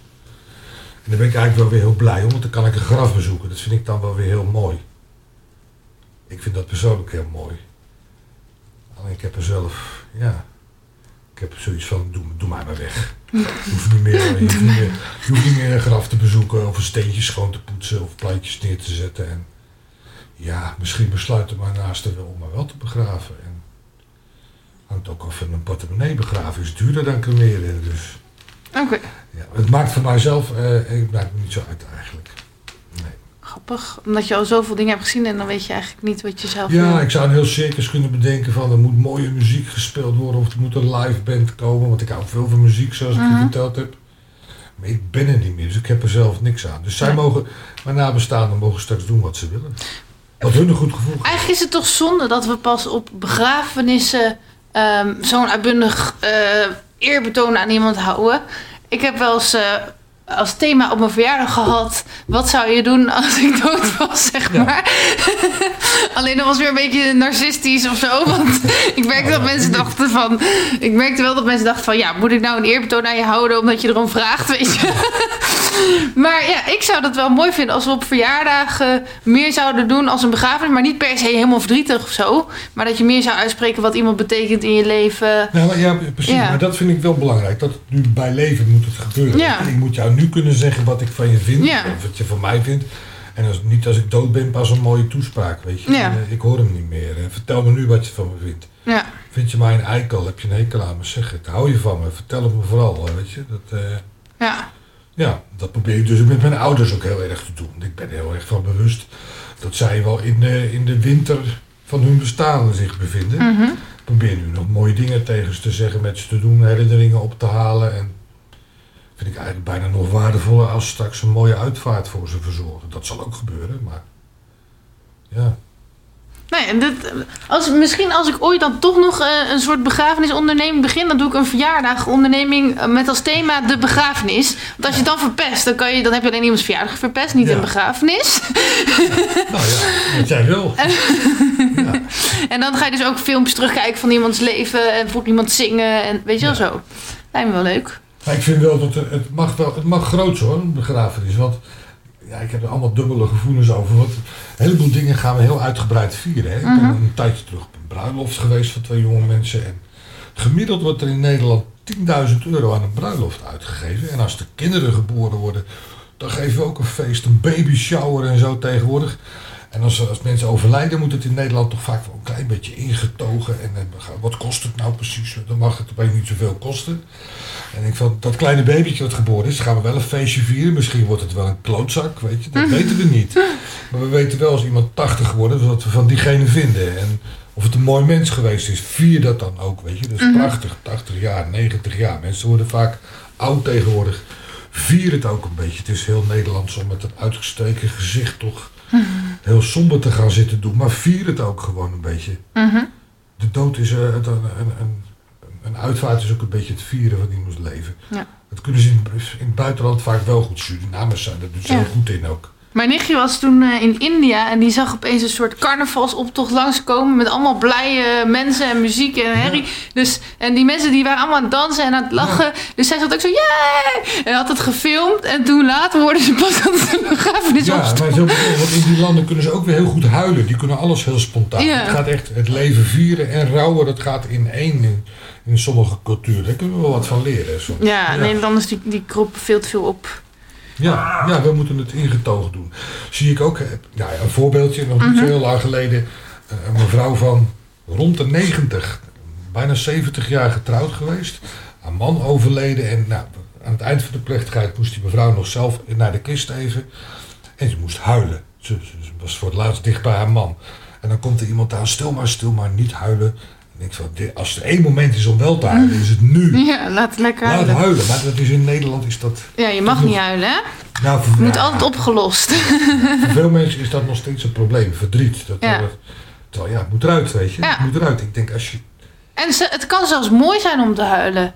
Niet, niet, niet als je voor altijd blijft huilen. En niet als je... Nee, want dan heb je dus Nee. weer een probleem en moet je hulp hebben. Maar Ja, en als niet dan- als je de hele tijd aandacht blijft vragen met je verdriet. Als je gewoon een keer Ja. huilt en daar even goed in gaat zitten, dat is alleen maar goed voor je. Als je 70 jaar getrouwd bent geweest en je hebt het goed gehad samen. En als je niet moest huilen. Ja. Toch Ja. Nee, dat is Yes, even hij is stil, weg. Even stil, rustig, niet huilen. Nou, ik denk, waarom niet huilen? Kom op. ja, maar dat is gewoon, mensen weten, eh, vaak herkennen mensen hun eigen verdriet of zo. eh, Maar die weten ook niet hoe ze met hun eigen verdriet moeten omgaan. En dan vind je het ook lastig om bij een ander te Nou zien. ja, dat is het een beetje. Ja. Dat is toch een beetje dat Calvinistische in Nederland, denk ik. Niet altijd hoor. Er zijn ook mensen die kunnen het wel heel goed. Mhm. Maar eh, algemeen zijn we toch een beetje van alles inslikken en wegstoppen. Ik was laatst ook nog op een begrafenis en toen eh, had er iemand, er was heel veel muziek en die had opgetreden. En toen kwam ik van de wc af en toen zag ik met z'n eentje op de gang st- staan huilen. En toen dacht ik van ja, dat vind ik toch een beetje zielig. Dus ik zo, mag ik je een knuffel geven? Maar ik wist helemaal niet wie het was. Maar dat, is wel mooi. ja, Dat zouden mensen toch vaker moeten doen eigenlijk. Ja. Mensen hebben daar best behoefte aan. ja, Ik kan ja. niet zomaar iedereen op straat gaan kunnen maar, Nou ja, ik heb ook wel eens met een bordje free hugs op straat gestaan. Zo gek ben ik wel. Ja, maar dat is mooi toch? ja, ja, ja. Ja. Ehm, je treedt ook weer, we gaan weer ehm, naar de gedichten. Daar Ja. treed je ook wel eens mee op, hè? Ja, ik heb eh, vorige week of de week ervoor. Café Dante zag ja, staan. twee weken geleden, denk Ja. ik alweer. Dus eigenlijk ben je een beroemde Edenaar. Nou, ik zit nog te kort in Ede om beroemde eendenaar te zijn. Maar in het, in het wereldje waar mensen vaker wat met po- poëzie doen, eh, daar ken ik wel veel mensen ondertussen. Ja. Oké. Het treedt niet alleen in Ede op, eh, maar corona lag dat natuurlijk allemaal een beetje stil. In het verleden heb ik het wel heel veel gedaan. En ook op poëzieavonden heb ik muziek gemaakt. En eigen liedjes gezongen, liedjes van Stef Bos, van. Oh, jij hebt ook al eigen liedjes. Ja, ik heb ook eigen liedjes. Oké, ja. Dus Ik schrijf trouwens ook gedichten dus, hè. Maar van die gedichten heb ik dus ook liedjes gemaakt. Ja, Dus dat is wel grappig. Dus we hebben best veel eh zelfde interesses Ja. volgens mij. ja, dat is leuk. Ja. Ehm, ja, waar haal jij de tijd vandaan om alles te doen? Want ik zag dus inderdaad, nou sowieso die onderneming is al heel veel geregeld. Ja. Ehm, maar dan heb je ook nog een hond, je hebt een relatie, Ja. je, hebt, eh, je speelt dus muziekinstrumenten, je schrijft gedichten, je treedt op. Ik dacht echt van, hoe doet die man dat? Ja, ik vind soms dat ik toch te weinig doe. Maar, Wat zou je nog meer moeten doen dan? Nou, ik, ja, ik, wil- nou, ik wil ook nog gaan schilderen bijvoorbeeld. Dat vind ik ook leuk. maar ja, ik doe dingen alleen maar als ik er ook echt tijd voor heb. Maar ja, ik zei het er straks al. We leven in een tijdperk van allerlei digitale attracties en zo. Mhm. En ik ben er ook wel van. Van de winter heb ik ook een series gekeken op Netflix en zo. Maar ja, ik hoor toch wel heel van heel veel mensen van... Oh, dan ben ik straks klaar met werken. Lekker naar huis met een wijntje op de bank naar Netflix kijken. Mhm. Ja, En dan denk- hebben ze ook nog een kantoorbaan, de hele dag zitten. Ja, ik denk dan, ik kan straks naar huis gaan, dan ga ik eten. Hè. Dan ga ik inderdaad even rustig zitten met een bakje koffie. Maar ik ga, daarna ga ik piano spelen of ik ga een gedicht schrijven. Of ja, met mijn hond lopen moet ik zo drie keer, drie keer per dag. Ja. Ja. Ik vind dat waardevoller als ze alleen maar voor de tv hangen. Eens. Je laten vermaken door een ander.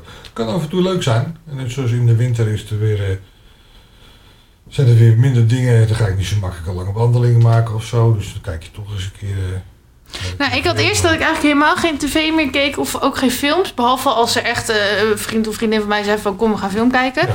Eh, maar de laatste tijd kijk ik weer iets meer film. Want ik merkte dat ik me daardoor net wat beter kon ontspannen. Toen dacht Ja, ik, nou dan moet ik het weer wat vaker gaan doen. Ja, maar dan moet iedereen zijn eigen weg in vinden. Ja. hè?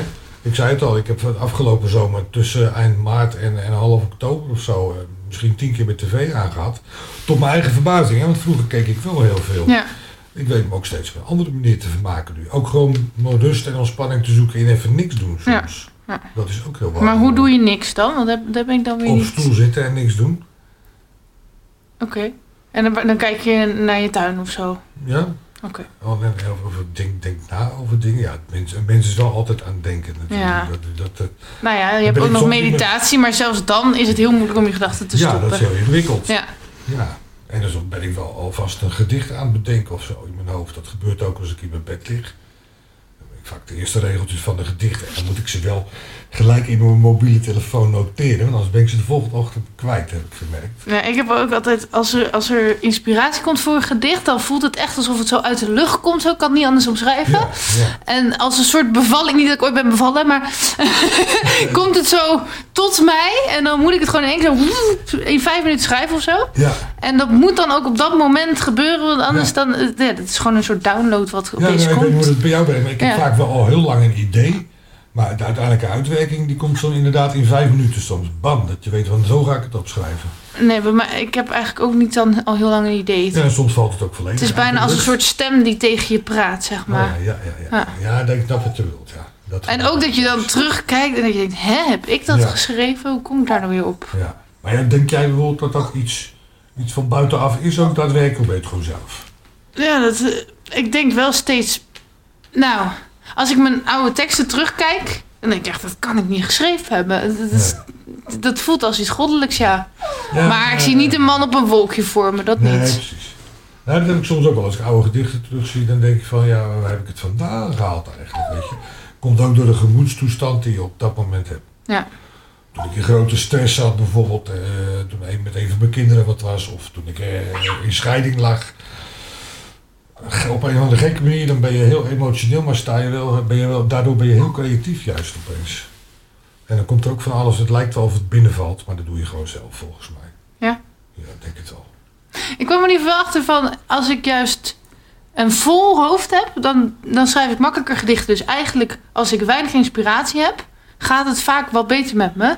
Want dan ja. ben ik rustig in mezelf. Ja, dat ben ik wel gemerkt. Als ik, als ik in problemen ben, of Uh-huh. mijn, leven, mijn leven is moeilijk, dan heb ik sowieso veel meer inspiratie om, Ja. om liedjes te schrijven Ja, of ja. gedichten.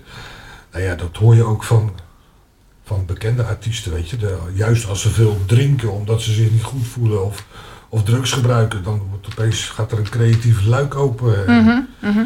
Ja, nou, ik hoop dat, dat ik dat er niet voor nodig heb verder. Maar het is wel zo, als je moeilijke tijden hebt, eh, in de shit zit, dan komt er vaak meer creativiteit. Ja, maar ook alsof eh, de spanning eruit moet en die moet omgezet worden in tekst of zo, een stukje zoiets. verwerking, denk Ja. ik, van, van wat je op dat moment bezighoudt. Ehm, nou, je gelooft dus niet echt in een hiernamaals, maar is er nog iets waar je in gelooft buiten jezelf? Ja, ja, nou ja, niet specifiek iets. Ik weet wel zeker dat er veel meer dingen tussen hemel en aarde zijn dan dat wij mensen vermoeden of weten. Alleen ik vind, met alle respect voor mensen die een, religie aanhangen, daar heb ik echt veel respect voor. Maar ik vind eh, eh, het bestaan van een God, dat vind ik een te makkelijke oplossing voor als antwoord op de vraag van hoe zit het nou? Ik denk dat hoe het leven werkelijk zit en of er meerdere dimensies zijn of ja, hoe dat allemaal werkt en de geheimen van het leven. Ik denk dat dat zo ingewikkeld is dat we dat voorlopig niet of misschien wel nooit zullen weten. Ja, maar als je niet gelooft in een hiernamaals, dan, dan kom jij er dus ook niet echt achter. Nee, nee ik, ik ga er ook niet achter komen. Nee. Misschien volgende generaties. Maar wat hebben we er dan aan dat er meer is tussen hemel en aarde? Ja, dat weet ik niet. Ik weet niet wat ik, weet niet wat ik daaraan heb. Nee. Ik, nee, ik heb ook raar wel, wel. Ik ben niet heel spiritueel. Ik ben allemaal niet bezig met, met, met chakra's en met klankschalen en weet ik wat voor, voor aparte dingen. Ik, ik sta voor mijn gevoel met beide benen op de grond. Alleen ik sta er wel heel erg voor open dat wij nog lang niet alles weten. Weet je, 500 jaar geleden of zo dachten dat de aarde plat was en dat we bij de horizon naar beneden zouden donderen. En Mhm. we hebben nog maar in, in een paar honderd jaar heel weinig ontdekt over de aarde op zich. Laat staan over wat er eh, verder allemaal nog mogelijk is met het, met het menselijk verstand, met onze energie, met jouw en mijn energie samen. Weet je, dat, eh, ik heb ook wel rare dingen meegemaakt, maar dan ga ik daar niet proberen om daar een antwoord op te bedenken. Maar ik accepteer het dat er iets gebeurt wat ik niet kan verklaren. En heb je dan een voorbeeld van zo'n raar ding? Ja, en ik heb, dat heb ik twee keer meegemaakt. En geloof me, ik, ik, ik sta heel erg met beide benen op de grond en ik Mhm. fantaseer het niet of zo. Ehm, jaren geleden was ik alleen in huis. Mhm. Echt heel alleen. Ik wist ook zeker dat er niemand thuis was. En opeens was er een hand op mijn schouder, maar niet heel zachtjes, echt met een klap. Zo van, kerel. Een soort begroeting. Ja, Als, als jou dat gebeurt. dan schrik ik me helemaal het Ja. en ik schrok niet. Oké, Ik schrok niet. Het voelde heel goed. oké. Maar ik had helemaal niet zoiets, want dat hoor je dan wel eens van andere mensen. Ja, dat was mijn opa of mijn oma of mijn overleden vader. Ik heb geen idee wat het was. Dus overduidelijk een hand. Die hield me ook even vast, echt zo geruststellend. En was weer verdwenen. Ik denk misschien vier of vijf jaar daarna heb ik het nog een keer meegemaakt. Ik schrok weer niet. Hetzelfde geval. En daarna heb ik het nooit meer meegemaakt. En, dat, en dan ik heb je ben niet nog steeds stom Ja. verbaasd over. Maar ik heb, er niet, ik heb er niet een antwoord op wat het is. Wat het was. Ik heb wel gehoord dat ik niet de enige ben die dat ooit heeft meegemaakt. Oké. Ik heb geen verklaring voor. Maar dan denk je niet van, oh, dat is mijn vader of is Nee. mijn... Nee, Maar waarvoor, wat heb je er dan aan dat je dat meemaakt? Ja, niks. weet ik niet. Het voelde geruststellend. En misschien komt er een later moment in mijn leven dat het kwartje valt. Dat ik wel weet wat het is. Dat Ja. ik, ik heb geen idee. Of misschien was het wel iets van God of zo, voor zover nou ja, misschien zit ik er helemaal naast. En is er een God die mij met open armen ontvangt. Of mij straf geeft straks dat ik nooit in hem geloofd heb. Ik weet het niet. Ja, Ik kan mezelf niet veranderen. Ik, ik geloof het nu niet. Ik Nee. ben niet religieus. Maar nogmaals, wel diep respect voor mensen die het wel hebben. Ik zie ook dat die mensen daar vaak troost uit putten. En eh, heb je dan niet iets van, nou, misschien was ik wel een beetje, weet ik veel, in een psychose, waardoor ik opeens zoiets voelde, of Nee, eh, slaapwandelen, of... eh, Nee, het was eigenlijk niet eens, het was niet eens op het moment dat nou iets heel bijzonders in mijn leven aan de hand was. Dan kan ik het ook nog, zou ik het ook nog kunnen verklaren. ja. Als ik heel gestrest was, of als ik te veel gedronken had, of, of in de psychose zat, inderdaad. Nee, het, waren, het was een standaard moment. Hm. Ja, nou ja, dat is... Dus ik denk serieus, en ik lees ook wel dingen over, over kwantummechanica en zo. Er moet gewoon het, ook meer zijn tussen hemel en aarde. En we moeten nog nieuwe dingen ontdekken. En Mhm. hoe het allemaal zit en werkt met ons brein en met ons samen als mensen. En de wereld om ons heen. En dingen die we misschien niet kunnen zien en die er wel zijn. En En heb je ook wel eens dat dingen voorbestemd voelen? Of voelt alles gewoon van toevallig? Ja, eh, het voelt, voor mij voelen dingen wel vaak toevallig. En je kunt je best doen om dingen bij te sturen. Dat kun je wel. Ja. Je, hebt wel je hebt zelf wel, wel invloed op hoe dingen in je leven gaan. Op sommige dingen heb je ook weer geen invloed. Als ik morgen ziek word eh, of ik krijg een hartstilstand, eh, dan kan precies ja, ik kan gezond leven en probeer het zo ook te voorkomen. Maar en toeval, ja, alles hangt wel van toeval aan elkaar. Dat vind ik wel. hoor. Ik zeg altijd, het valt je toe. En dan is het niet Ja. meer toevallig. Ja, ik, ik hoor heel vaak, ik heb heel vaak verhalen gehoord van mensen, en ik heb het zelf ook wel meegemaakt, dat, dat iemand jou opbelt terwijl je net Ja, aan diegene Aan diegene denkt. Nou ja, dat soort kleine dingetjes. Dan zeggen ze tegen je van, nou, dat kan geen toeval zijn. Jawel, dat is wel toeval, want dan vergeet je alle keren dat je Dat diegene, aan diegene hebt gedacht en hij belde niet. Oké, maar als je bijvoorbeeld... ehm, mijn vader kwam altijd zijn collega tegen op vakantie. Ja. Nou, nou, misschien stoutte die collega waar mijn vader in op vakantie ging of zo. Maar snap je? Dat je, dat je echt denkt, nou, hoe kan het? Ehm, nou ja, zo heb ik wel meer verhalen. eh, maar die zijn iets te persoonlijk om te vertellen. Maar dat je echt denkt, nou, diegene kan je hier niet tegenkomen. is onmogelijk. Nee, nee. Ja, misschien zijn sommige dingen ook geen toeval, hoor, maar heel Mhm. veel dingen zijn echt wel toevallig. Ja. Dan dan denken wij dat ze niet toevallig zijn, maar net wat ik net het voorbeeld dat ik geef, ja. God, ik heb honderd keer aan die persoon gedacht en die belde niet, weet je. Mhm. Nu dacht ik er gisteren wel aan en dan belt hij wel. Ja, dat is toeval. Ja. In mijn ogen. Ja, ik snap het. Ja. Ehm, wat is volgens jou de zin van het leven? Ja, ik vind sowieso mijn eigen leven veel zin hebben. Want ik heb alleen met mij te maken. Wat is de zin dat jij bestaat? Ja, ik vind het een beetje onzin, een grapje. nou, je, ik, lees wel over, ik lees wel over dat soort dingen. Ja. Als je nou... Als je ons puur, we zijn natuurlijk gewoon een biologisch wezentje. We hangen van chemische procesjes aan elkaar. En in onze genen liggen maar twee opdrachten besloten. Dat is voortplanten en overleven. De rest is vrij invulbaar. Dus we moeten eten en zo lang mogelijk in leven blijven. Dak boven ons hoofd, eh, warme kleding. En de rest is vrij invulbaar. Ook wat wij nu zitten doen. Ja, moet Maar- het? Moet het? Het moet Nee. niet. Had ik wat anders kunnen doen. Nou, Ja. Het had er niemand uh, armer van geworden. Maar Dus waarom moeten we dan, waarom moeten we ons dan voortplanten en overleven? Voor, voor het bestaan van de soort. Net als alle andere diertjes. eh, Omdat we moeten bestaan. ja, dat is een biologisch proces. Dat, dat, net wat ik zeg, dat ligt in onze genen besloten, weet je. Dat moet gebeuren. We moeten ons voortplanten. En we moeten eten en overleven. Ja. Ja, ik, ik weet niet of dat pessimistisch klinkt, maar het geeft me altijd wel een Nou ja, het is in ieder geval nuchter, het geeft toch? me ook wel een bevrijdend gevoel. Dat heel veel dingen die ik moet en waar ik me druk om maak, dat ik achteraf denk, maak daar niet druk. Het moet helemaal niet. Nee. Je kiest er zelf voor. Ja. Vind je het morgen niet meer fijn om mensen te helpen als, ze overle als een familielid overleden? Dus moet je het niet meer doen. Ja, alleen Gewoon, als je dat doet, dan, je kan natuurlijk niet eh, volgende week weer opnieuw beginnen en die week daarna weer, mee- ja, dan heb je vakantie. Maar Ja, ja. je kan natuurlijk niet tien keer wat anders gaan doen telkens. Nee, ja, is moeilijk, maar kan misschien wel. Ik ken wel mensen die het wel doen. Of die een half jaar werken en dan weer een jaar gaan reizen, weet je. Heb ik ook bewondering voor. Ja. Ja, die dat hun hele leven al doen. Een heleboel dingen zijn toch wel gewoon vrije keuze. Je hoeft het niet te doen. We gaan een beetje afronden. Ja. Je hebt het al een beetje gezegd, maar hoe wil jij herinnerd worden als jij bent overleden? Als wat voor persoon?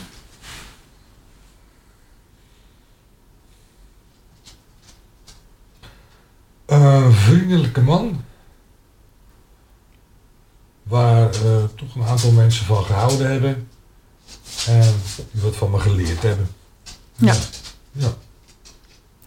En eh, wat zou je tegen mensen zeggen die aan het luisteren zijn? Of als je het bijvoorbeeld eh, tegen jongeren zelf zou moeten zeggen of zo. Wat is nou een van de belangrijkste levenslessen die je hebt geleerd wat je nog mee zou willen geven? Word gelukkig. Word gelukkig eh, op de manier die bij jou past. Ik heb zelf een heleboel dingen gedaan omdat ik dacht van, oh, dat moet ik doen, want dan zijn mijn ouders tevreden. En eh, dat moet ik doen, want dan is mijn, mijn vrouw tevreden. Of, of mijn die en die. En we, doen, we zijn geneigd heel veel dingen te doen omdat we bevestiging willen hebben van iemand anders. Van, oh ja, nou ben ik advocaat geworden. Nou is mijn vader tevreden. Nou, maar wat wil je nou echt zelf? Mhm. Kijk naar wat je echt zelf wil. Kijk niet naar wat het je oplevert in financiële zin. Je moet wel zorgen dat je kan leven, maar wil je gaan zwerven, ga zwerven. Of wordt straatmuzikant. Of voor straatmuzikant. nou, daar heb ik dus wel spijt van. Had ik dat niet langer. Dat kan toch nu ook nog? Ja, ik kan dat zou nu ook nog kunnen. Ja, eigenlijk wel. ja. ja. Want als je het een beetje redelijk kan, kan je er nog aardig van leven. Dus. Nou, ik zou zeggen, doen.